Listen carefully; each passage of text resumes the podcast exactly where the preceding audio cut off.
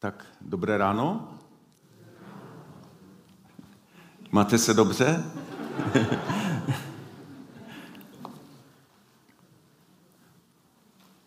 Víte, já jsem tak přemýšlel, jak, jakým způsobem mluvit o modlitbě a e, modlil jsem se za to a nenapadlo mě nic jiného, než mluvit o té modlitbě, kterou každý známe. O modlitbě, kterou známe pod názvem Otčenáš. A než začnu mluvit, tak bych chtěl, eh, tak bych chtěl přečíst eh, jedno z míst, kde tato modlitba je zapsána. Je to v Matouši v 6. kapitole. Budu číst prvních 18 veršů a budu číst proto takový ten delší úsek, abychom mohli vidět kontext, kde ta modlitba páně je zaznamenána, kontext té promluvy Ježíše Krista, kde on o ní mluvil. Eh, máte to promítnuto, takže můžete si číst se mnou. Je to z překladu eh, studijní Bible. Dávejte si pozor, abyste nekonali svou spravedlnost před lidmi, jim na odiv, jinak nemáte odměnu u svého Otce, který je v nebesích. Když tedy dáváš almužnu, nevytrubuj to před sebou, jak to činí pokrytci v synagogách a na ulicích, aby je lidé pochválili. Amen, pravím vám, mají už svou odměnu. Ale když ty dáváš almužnu, ať tvá levice nepozná, co činí pravice, aby tvá almužna zůstala skrytá. A tvůj otec, který vidí v skrytu, ti odplatí zjevně. A když se modlíte, nebuďte jako podkrytci, kteří se rádi modlí stojíce v synagogách a na rozích ulic, aby je viděli lidé. Amen, pravím vám, mají už svou odměnu. Když ty se modlíš, vejdi do svého pokoje, zavří za sebou dveře a pomodlí se ke svému otci, který je v skrytu, a tvůj otec, který vidí v skrytu, ti odplatí zjevně. Když se modlíte, neopakujte na prázdno slova jako pohané, neboť ti se domnívají, že budou vyslyšeni pro množství svých slov. Nebuďte proto jako oni, vždyť Bůh, váš otec, ví, co potřebujete, dříve než jej poprosíte. Vy se modlete takto. Otče náš, který jsi v nebesích, buď posvěceno tvé jméno. Přijď tvé království, staň se tvá vůle, jako v nebi, tak i na zemi. Náš denní chléb dej nám dnes a odpuď nám naše viny, jako jsme i my odpustili těm, kdo se provinili proti nám. A neuvoď nás do pokušení, ale vysvoboď nás od toho zlého, neboť Tvé jest království i moc i sláva na věky. Amen. Neboť jestliže odpustíte lidem jejich provinění, odpustí váš nebeský Otec i vám, jestliže však lidem jejich provinění neodpustíte, ani váš nebeský Otec neodpustí vaše provinění. Když se postíte, nebyvejte zasmušili jako pokrytci, ti se totiž tváří strápeně, aby lidem ukázali, že se postí. Amen, pravím vám, mají už svou odměnu. Ale ty, když se postíš, Potří svou hlavu olejem a svou tvář umyj, abys neukázal lidem, že se postíš, ale svému otci, který je v skrytu. A tvůj otec, který vidí v skrytu, ti odplatí. Pane Ježíši, tak bych tě chtěl poprosit, abychom mohli dnes víc pochopit, co to znamená modlitba, co to znamená modlit se. Amen. Určitě tu modlitbu každý znáte. Je to tak? Modlitba páně neboli odčenáš, latinsky pater noster, slovo otec náš, pater noster, je v evangelích zaznamenána i u Lukáše. A právě z toho znění Lukáše jsem si vypůjčil název eh, toho dnešního kázání. Pane, nauč nás modlit se. Lukáš píše stejnou modlitbu, ale uvozuje ji takto. Jednou se Ježíš modlil na nějakém místě a stalo se, když přestal, že mu jeden z jeho učedníků řekl, pane, nauč nás modlit se, jako tomu naučil své učedníky i Jan. A pak je ta modlitba stejná, jako čteme u Matouše. Víte, často mluvíme o modlitbě, že to je rozhovor s pánem. A tak přemýšlím, jaký rozhovor s pánem může být modlitba, která je nějakým způsobem Eh, naučená, kterou opakujeme stále dokola, eh, která se v mnohých náboženských kruzích stala takovou mechanickou říkankou, kterou, kterou odříkáváme stále dokola, kterou ti lidé odříkávají křesťané. Protože kdyby, kdyby se podívali, jak jsme četli ten text o, o verš vyše, tak právě tam je varování proti tomu, abychom nebyli jako pohané, abychom eh, se nedomnívali, že budeme vyslyšeni pro množství a množství těch svých slov. A, a přesto my máme sklon jako lidé prostě tu modlitbu používat jako nějakou mantru, jako nějaké, jako nějaké říkadlo. Ale na druhé straně bych chtěl zdůraznit, že máme eh, mnohé záznamy, když, co se týče života prvních křesťanů, které jasně nám ukazují, že první křesťané používali tu modlitbu pro modlení se doslova tak, jak to je napsáno. Čili na jedné straně eh, bychom si měli dávat pozor, abychom z toho neudělali nějakou mantru, a na druhé straně pán chce, abychom se takto modlili. A já bych chtěl, abychom potom na závěr se všichni povstali na, věz, na závěr kázání a tu modlitbu se pomodlili tak, jak jsme se ji každý naučili už od svých rodičů. Ale dneska bych chtěl eh, tak prolítnout tou modlitbou, Eh, že když jsem se připravoval teď pár dnů, tak jsem zjistil, že to je tak obsahlé téma, které by na každou z těch věd se dalo mluvit a připravit celé kázání. Tak já bych chtěl v tom omezeném čase, které máme dnes, tou modlitbou tak projít a zamyslet se nad těmi jednotlivými větami, které nás Ježíš učí, abychom se modlili. Protože věřím, že eh, když se nad tím zamyslíme, tak pochopíme i to, co to znamená, když mluvíme, že modlitba je rozhovor s naším pánem. Tak pojďme. Pojďme k prvnímu bodu, nebo ještě, ještě, ještě zdůrazním, než se dostaneme k tomu prvnímu bodu, už jsem to tak nějak nakousl, ale nedořekl, proč jsem četl vlastně ten kontext Eh, tu delší část eh, té kapitoly 6. Matouše, kde jsme viděli, že ta modlitba se skládá, eh, se nachází uprostřed takových třech hlavních bodů. A to si myslím, chtěl bych to zdůraznit ještě a nerad bych na to zapomněl, že Ježíš mluví o, je zvláštní a nevím, jestli jste si to uvědomujete, že ta modlitba je mezi, mezi almužnou a mezi postem, a Ježíš vlastně e, mluví takové tři, e, tři věci, neboli tři pilíře, jak tomu říkají teologové, takové tři pilíře židovské zbožnosti jsou zmíněny. Je tam almužna, modlitba a půst. A u všech těch, u všech těch tří aspektů Ježíš zdůrazňuje, abychom to nedělali na odiv, abychom Eh, abychom už ne, nějakým způsobem neměli odměnu za to, co děláme, ale máme to dělat skrytu. Čili je důležitý motiv, když se tu modlitbu páně modlíme. A kdybychom to rozebírali, tak zjistíme, že jedním z těch motivů má být vděčnost vůči Bohu, což je vidět z toho textu, který jsem četl. A také, a to bych chtěl zdůraznit, že to je touha po odměně v jeho království. Víte, kdykoliv mluvím a zdůrazním ve svém kázání skutky, že máme i, jsme povinni něco dělat pro pána, tak u takových těch krajních ultras náboženských kruhů eh, sklízím kritiku, protože přece všechny máme zdarma. Ale když, jestli jste dávali pozor u toho textu, když jsme četli, tak Ježíš tam jsou ty tři části, almužna, modlitba, pust, tak každá ta část je ukončena a já jsem se to snažil tak zdůraznit. Ježíš říká, tvůj otec, který vidí skrytu, ti odplatí zjevně. Čili touha po odměně, když to budeme dělat, tak touha po odměně v jeho království je velice relevantní. Je to tak? Já to tam čtu. Takže pojďme k modlitbě páně. Pojďme k první větě. Otče náš, který jsi v nebesích, buď posvěceno tvé jméno. Co to znamená, aby bylo posvěceno tvé jméno? Přemýšleli jste nad tím? Co to znamená být svatý?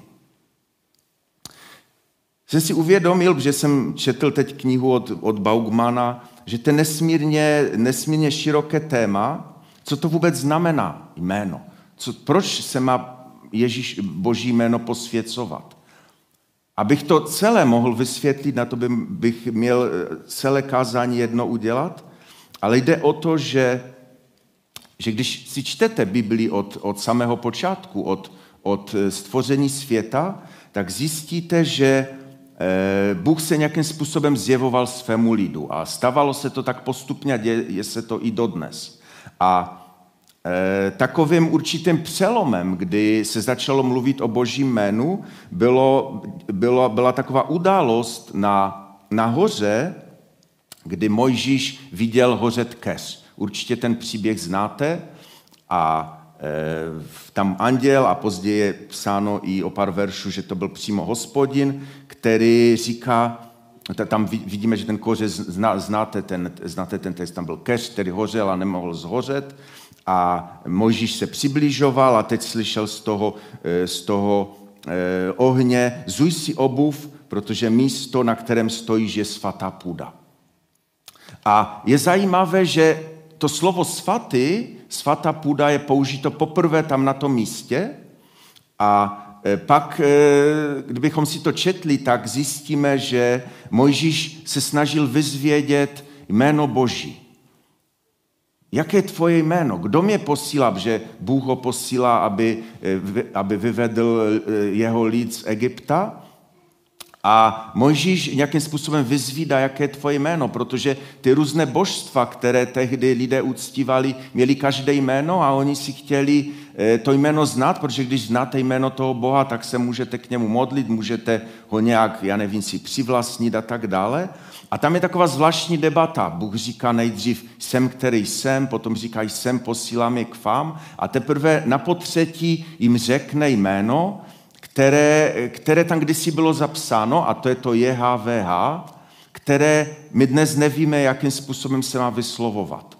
Protože, eh, protože někdy v historii před naším letopočtem, pravděpodobně někdy během eh, babylonského zajetí, došlo k redikci toho biblického starozákonního textu a všude tam, kde bylo to boží jméno, to JHVH, bylo nahrazeno opisným jménem, aby ani náhodou nikdo nemohl vzít to boží jméno nadarmo. A bylo tam dáno slovo Adonai, tak jak jsme mohli zpívat teď v písni, v tom hebrejském originále, potom samozřejmě víme, že, že je nový zákon, tak tam je používáno slovo Kyrios a tak dále, v češtině pán, hospodin eh, a tak dále. Proč to mluvím, toto všechno? Protože, protože to všechno směřuje k tomu, že pak přišel Ježíš, který přišel na tuto zem jako malé dítě a pokud bychom si četli Biblii a četli si pasáže, které mluví právě o božím jménu, tak zjistíme, že najednou e, apoštolové a potom apoštol Pavel a tak dále, už, už, a vlastně i Ježíš, když mluví o Bohu, tak už nemluví o Bohu jako o, o Adonai nebo o Kyrios, o pánu, ale mluví o Bohu jako o otci což nebylo eh, před tím zvykem. Mluví Bůh, Ježíš mluví o Bohu jako o pánu, mimo citací ze starého zákona, ale mluví o něm jako o otci.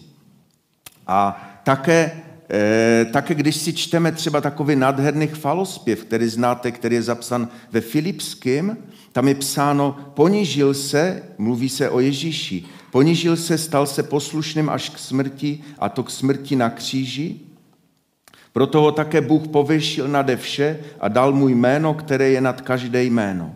Aby ve jménu Ježíše Krista sklonilo se každé koleno, ti, kdo jsou na nebi i na zemi i pod zemí, a k slávě Boha Otce, aby každý jazyk vyznal, že Ježíš Kristus je Pán. Víte, to je, eh, to je ve Filipském napsáno, ale to je vlastně text Izajaše. A ti první křesťané si to vzali, ten text v Izajaši mluví o Bohu a oni ho, jak to říct, moderním slovem okopčili a použili to o Ježíši. A vlastně, eh, kdybychom to rozebrali, tak zjistíme, že ta naděje proroků celé věky před Ježíšem, ta naděje proroků, že Bůh své jméno posvětí mezi národy, se naplnila v Ježíši. Skrze Ježíše mohou Boha poznat všechny národy. Skrze Ježíše mohou mít k Ježíši přístup lidé ze všech národů. A čili když my se modlíme, aby bylo posvěceno jeho jméno, ještě jsem to neřekl, to slovo posvětit, to neznamená nějakou svatozář, jak my si to představujeme, nějaké to, já nevím, takový ten nějaký stav svatosti, ale to je jednoduše oddělení. Oddělení pro Boha. Oddělení o tom, že my jsme jeho lid, který patříme Bohu. A když si to tak čteme a přemýšlíme a vlastně nečteme, ale budeme se modlit na konci, když budeme říkat Otče náš, který jsi v nebesích, buď posvěceno tvé jméno, tak vlastně nevím, jak vy, ale já sám cítím, že Bůh po mě tím něco chce. Tak jak čteme třeba ve velkém poslání ve skutcích 1.8, ale přijmete moc Ducha Svatého, který na vás přijde a budete mi svědky v Jeruzalémě a v celém Judsku, Samařsku až po nejzaší konec země. Je to tak? To je to, co máme dělat, aby bylo posvěceno Ježíšovo boží jméno. Druhý bod, a vlastně eh, ty první tři promluvy vlastně souvisí spolu. Souvisí, je to jakoby, píše se o, o té jedné věci. Modlitba pokračuje. Přijď tvé království, staň se vůle tvá, jako v nebi, tak i na zemi. Co to znamená? aby přišlo království. Aby se děla vůle Boží jako v nebi, tak i na zemi. Víte, to je text, nevím, jestli si to uvědomujete, to je, to je, to je něco tak převratného. My jsme, já jsem vyrůstal v době, kdy jsem byl vyučován, že eh, Ježíš přijde a že nás vytrhne z této země. Že budeme evakuováni někde do nebe ale když si čtete tu, mod, tu modlitbu páně, když se nad ní zamýšlíte, když, si, když se jí modlíte s tím, že nad ní přemýšlíte, tak najednou vidíte, že se máme modlit, aby tady přišlo jeho království. Aby se zde na zemi děla vůle Boží stejná, jako je nyní v nebi. Na konci věku se spojí nebe na, se zemí a ta vůle Boží, která se nyní děje v nebesích, se bude dít i na zemi. Amen? A přijde Ježíšovo boží království zde a pan zavládne na této zemi. Amen? Víte, abych vám ještě ten eh, bod trošku e, e, nějak tak populárně, nebo nepopulárně, tak nějak, abyste, aby vám něco zůstalo, abyste měli nad čím přemýšlet, e, tak se vás zeptám, už se vám někdy stalo, že vaše modlitba nebyla vyslyšena, když jste se modlili? Mohl byste se přihlásit?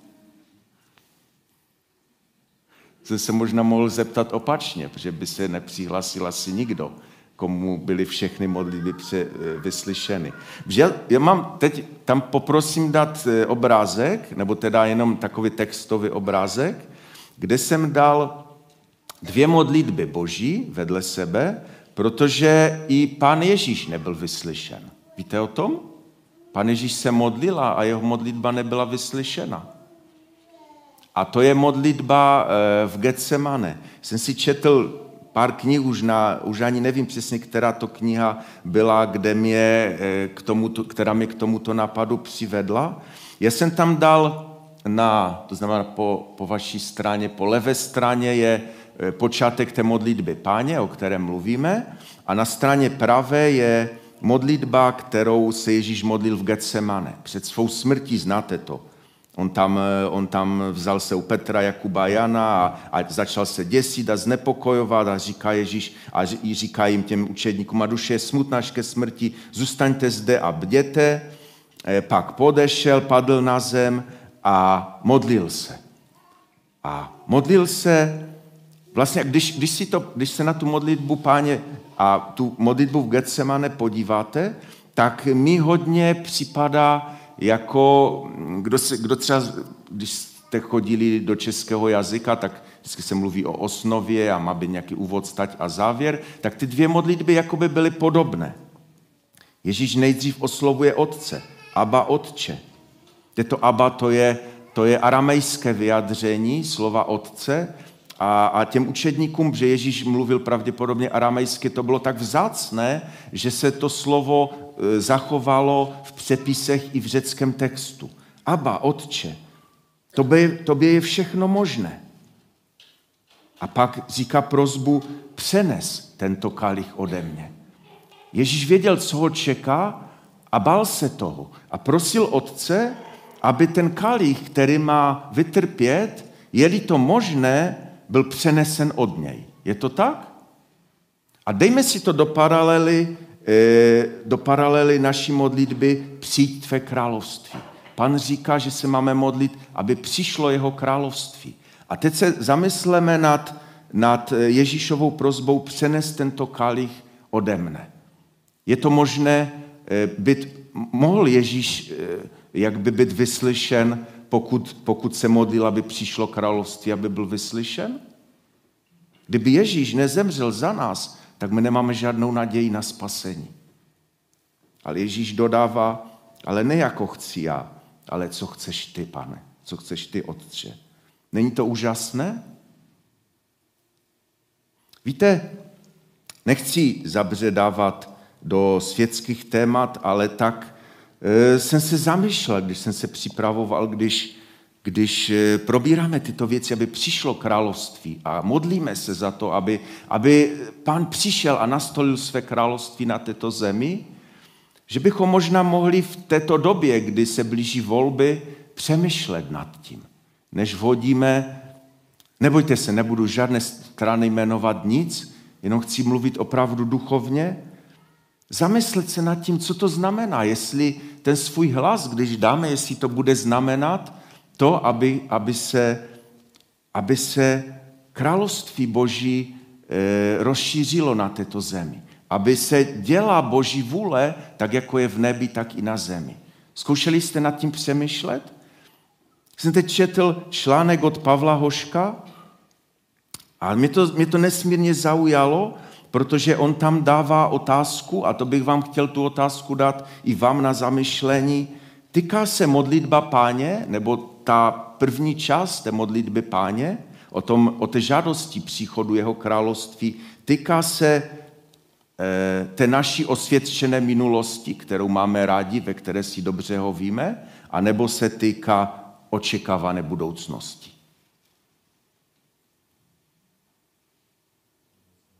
Čeho se to týká? Minulosti nebo budoucnosti? Víte, eh, Jürgen Moltmann, evangelický teolog, říká, že církev je znamením ukazujícím k budoucnosti, ne k minulosti. My známe Ježíš, eh, Ježíšova, my známe Izajašova slova, určitě to znáte. Hele, činím novou věc a už schází. Což to nevíte? Učiním v pustině cestu, v pusté krajině řeky ale činím novou věc. A my ten text máme rádi. Víte, eh, verš biblický v Izajaši, který tomu předchází? Tam je napsáno, nepřipomínejte si dřívější věci a dávnými věcmi se nezabývejte. Víte, my jsme, my jsme lid boží, který máme vzlížet dopředu, k tomu, co nás čeká, a ne dozadu, jak eh, když s kýmkoliv mluvím, tak všichni mluví o obraně tradičních hodnot. My potřebujeme bránit ty nějaké tradiční hodnoty. Nebojte, už nebudu víc na to téma mluvit, ale obhajoba tradičních hodnot a konzervativních hodnot přinesla strašná zvěrstva v historii. My máme být církví, která směřuje do minulosti, ne do budoucnosti. Eh, pardon, teď jsem to popletl. My máme být, už jsem přemýšlel o třetím bodu, takže ještě jednou to zopakuji správně. My máme být církví, ale to je výborné, protože jsem vás probudil. To je úžasné za vaši reakci, to znamená, že mě posloucháte. Ano, my máme být církví, která směřuje do budoucnosti, ne do minulosti. Je to tak? Amen. Pojďme dál. Náš denní chleb dej nám dnes. To už je takové praktičtější. Ale když se to modlíme, myslíme to vážně? Protože jídla je tolik, že a žijeme jakoby v, naši, v našem, eh, jakby v tom eh, uskupení politickém, kdy já fakt nevím, jestli je někdo, kdo by měl hlad. jako máme sociální systém a všechno možné. A je to tak, že? A hlad nemáme. A pán nám říká, abychom se modlili za náš dnešní, za, za, za denní chléb. Dej nám dnes. Víte, to je bod, který by znova se dalo mluvit dlouho o něm a souvisí to s tou nadpřirozenou realitou, kterou e, jsme už několikrát probírali na tomto místě. Naposledy Bohuž měl kázání minulý týden o křtu. A tam jde vlastně o to, že e, úplně zkráceně to řeknu, když, když e, bylo dění ohledně věže Bábel, tam je vyjmenováno 70 různých národů, pak došlo k tomu mísení jazyku a dozvídáme se, že, že Bůh nechal všech těch 70 národů, které tam jsou vyjmenovány, neboli všechny národy na této zemi, nechal pod zprávou těch padlých nebeských mocností. A vybral si pouze Izrael, o kterém, o kterém je psáno, že hospodin sám ho vedl, žádný cizí Bůh s ním nebyl. Pracovali pouze s ním. A všechny ty národy eh, byly dány pod zprávu těch padlých mocností.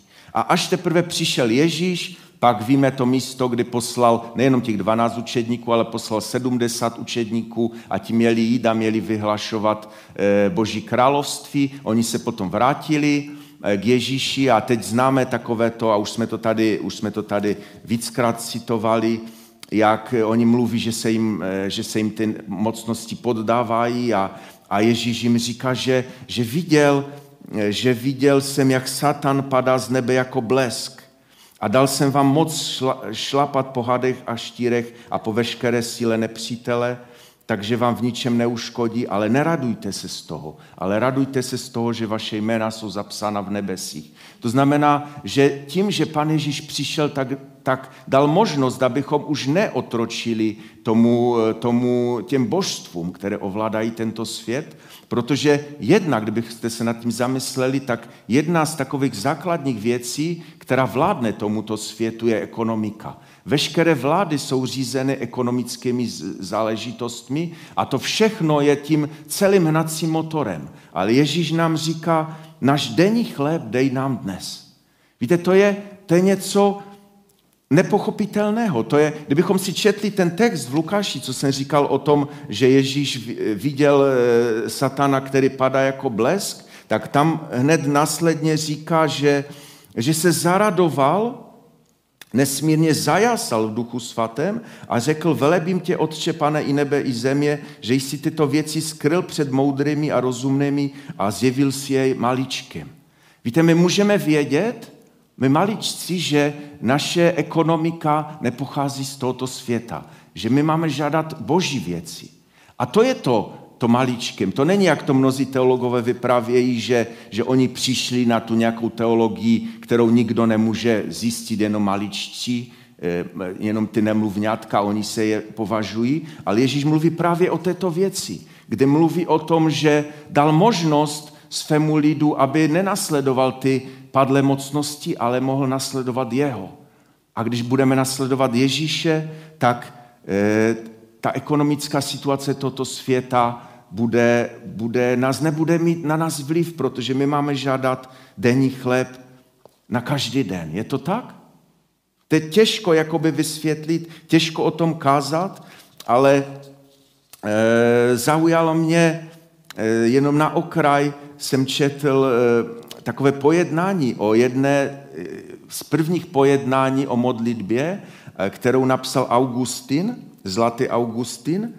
Eh, je to doba kolem roku 400 našeho letopočtu a zachovala se, eh, zachoval se jeho dopis, několik dopisů, ale jeden z těch dopisů adresoval takové bohaté ženě, křesťance, která se jmenovala Anicia Faltonia Proba a to byla žena z velmi zámožných poměrů. Byla to dcera římského konzula a matky z takových vznešených kruhů.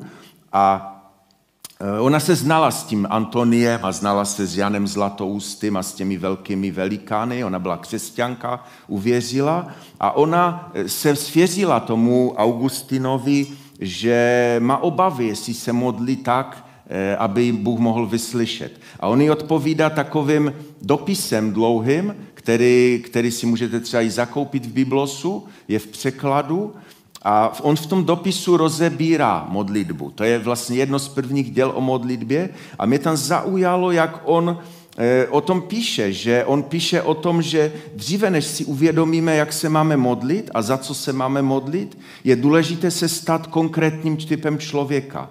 On říká, bez ohledu na to, jak úspěšní a založení jsme, se v rámci tohoto světa musíme považovat za opuštěné. Musíme odložit brýle mámení a upřímně si přiznat, že ať jsou naše současné světské podmínky jakkoliv skvělé, nikdy nám nepřinesou věčný klid, pokoj a útěchu, jakou lze najít pouze v Kristu. Dokud si to neuvědomíme, modlitby nám nebudou k ničemu. Víte, to je bod modlitební, náš denní chleb dej nám dnes, abychom se opravdu naučili spolehat na našeho pána. Já to neumím, učím se. A chtěl bych, abychom se modlili všichni, celý sbor, abychom se to učili a aby nás to pán Ježíš postupně učil. Protože, protože jeho ekonomika je úplně, úplně jiná než ekonomika tohoto světa. Jenom na okraj, znáte ten známý magnifikát, píseň těhotné Marie, když zpívá takový ten, eh, takovou tu píseň o Ježíši prorockou.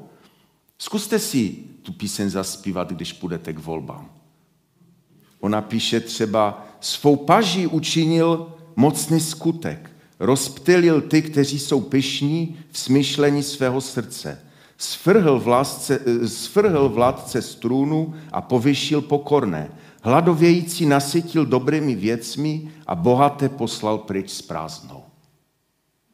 To je boží ekonomika.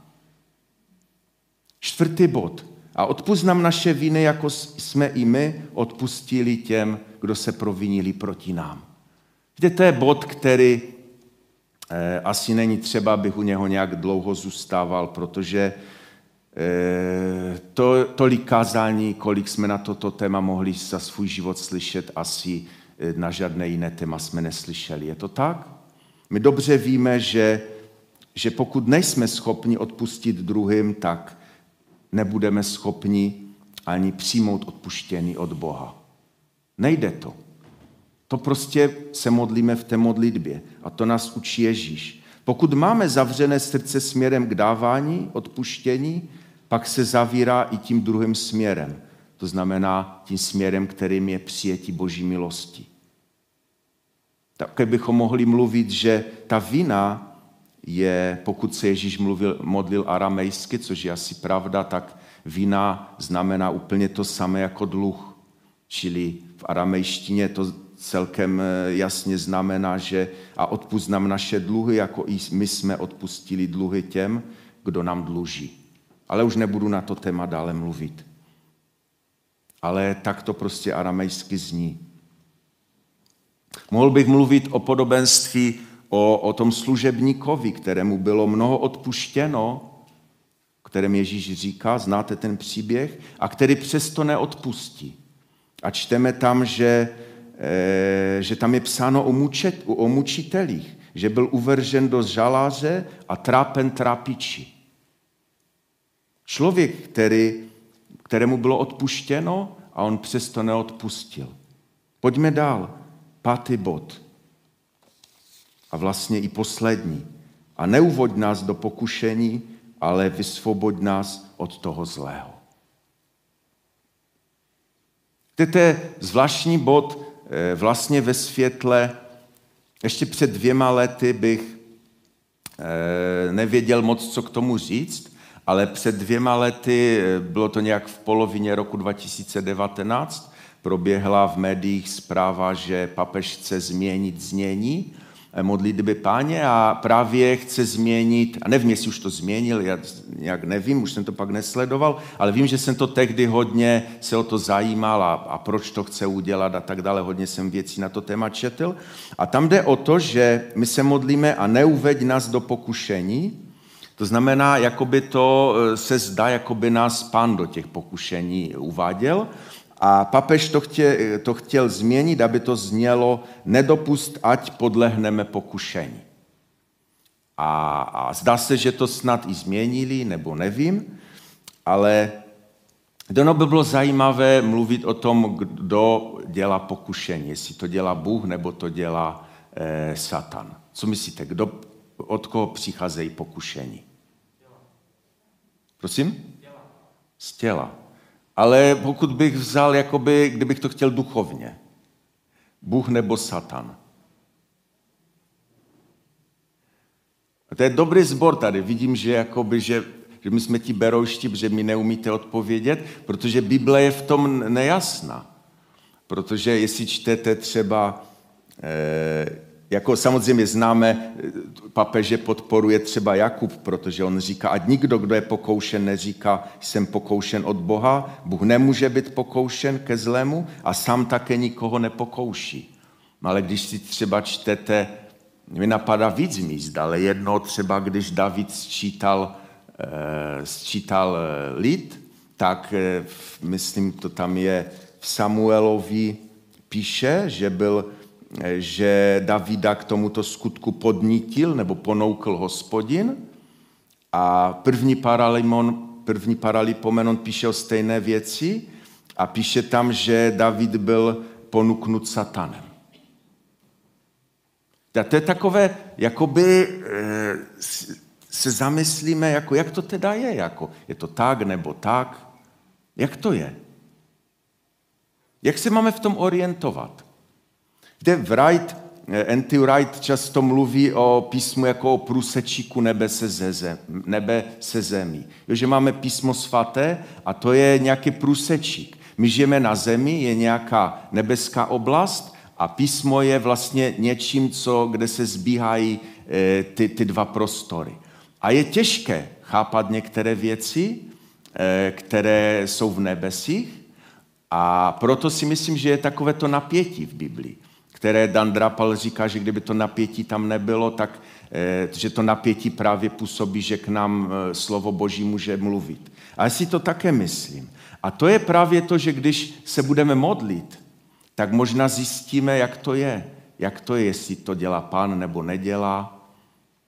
Mně se líbí, eh, i když jsem zmínil Dana Drápala, on, on mluví o jednom, v jednom takovém svém pojednání o pokušeních, on, on to uzavírá modlete se, ať vás do nich Bůh neuvede, znamená do těch pokušení. Když to budete dělat, tak poznáte, že on to nedělá. A to si myslím, že to je důvod, abychom se modlili. Abychom prosili Pána, aby nás do pokušení neuvedl. Víte, když bych to tak shrnul, tak e, určitě věřím, že Bůh nás nepokouší se záměrem, abychom padli v těch zkouškách. A k tomu bychom i došli, kdybychom to místo rozebírali. Třeba když si přečtete komentář Kinera, je to tam pěkně popsáno. Nicméně eh, také je jasné, že nám pán nějak tu naši cestičku neumetá a ty zkoušky z ní neodstraňuje. Každý z nás jsme určitě mnoha, mnoha per, peripetiemi museli projít. Ze zkoušek bychom si neměli zoufat, Spíše bychom se měli radovat, jak jsem četl u Jakuba, ale také určitě bychom je neměli vyhledávat. Měli bychom prosit Pána, aby nás do nich neuváděl. Je to tak? A závěrem toho je, že nemáš šanci poznat Boha, pokud s ním nemluvíš. Pokud se nemodlíš, nemáš šanci Boha poznat, jak to je. Pokud budeš jenom hloubat teologicky a rozebírat Biblii, na to nepřijdeš. Protože jsou místa, která mluví tak a jsou místa, která mluví i opačně. A to je i vyzva pro nás, abychom opravdu se modlili, abychom se modlili k našemu pánu. A modlitba páně je uzavřena slovy, které jsou v té studijním překladu, neboť tvé je království i moc i sláva na věky. Amen. To už tam bylo dodáno později na základě nějakých liturgických zvyklostí, čili první křesťané to tam pravděpodobně neměli. Víte, co říct závěrem? Jak už jsem říkal na počátku, modlitba je rozhovorem. A často přirovnávám ty boží principy k manželství. Když manžele spolu komunikují, myslím si, že je velká šance, aby porozuměli jeden druhému. Když spolu nemluví, často vidíme mnoha smutná manželství fungující jenom tak, že ten jeden z těch dvou rezignuje. A to možná kvůli okolí nebo dětem a nechce dopustit rozvod. Navenek manželství funguje, ale ve skutečnosti to je horší, než kdyby se ti dva rozvedli. Bible nám radí, když už jsem četl Filipským, tak v podobném místě píše, Bible nám, eh, abychom v pokoře pokladali jeden za druhého přednějšího za sebe. O co víc je přednější Bůh než my? Je to tak?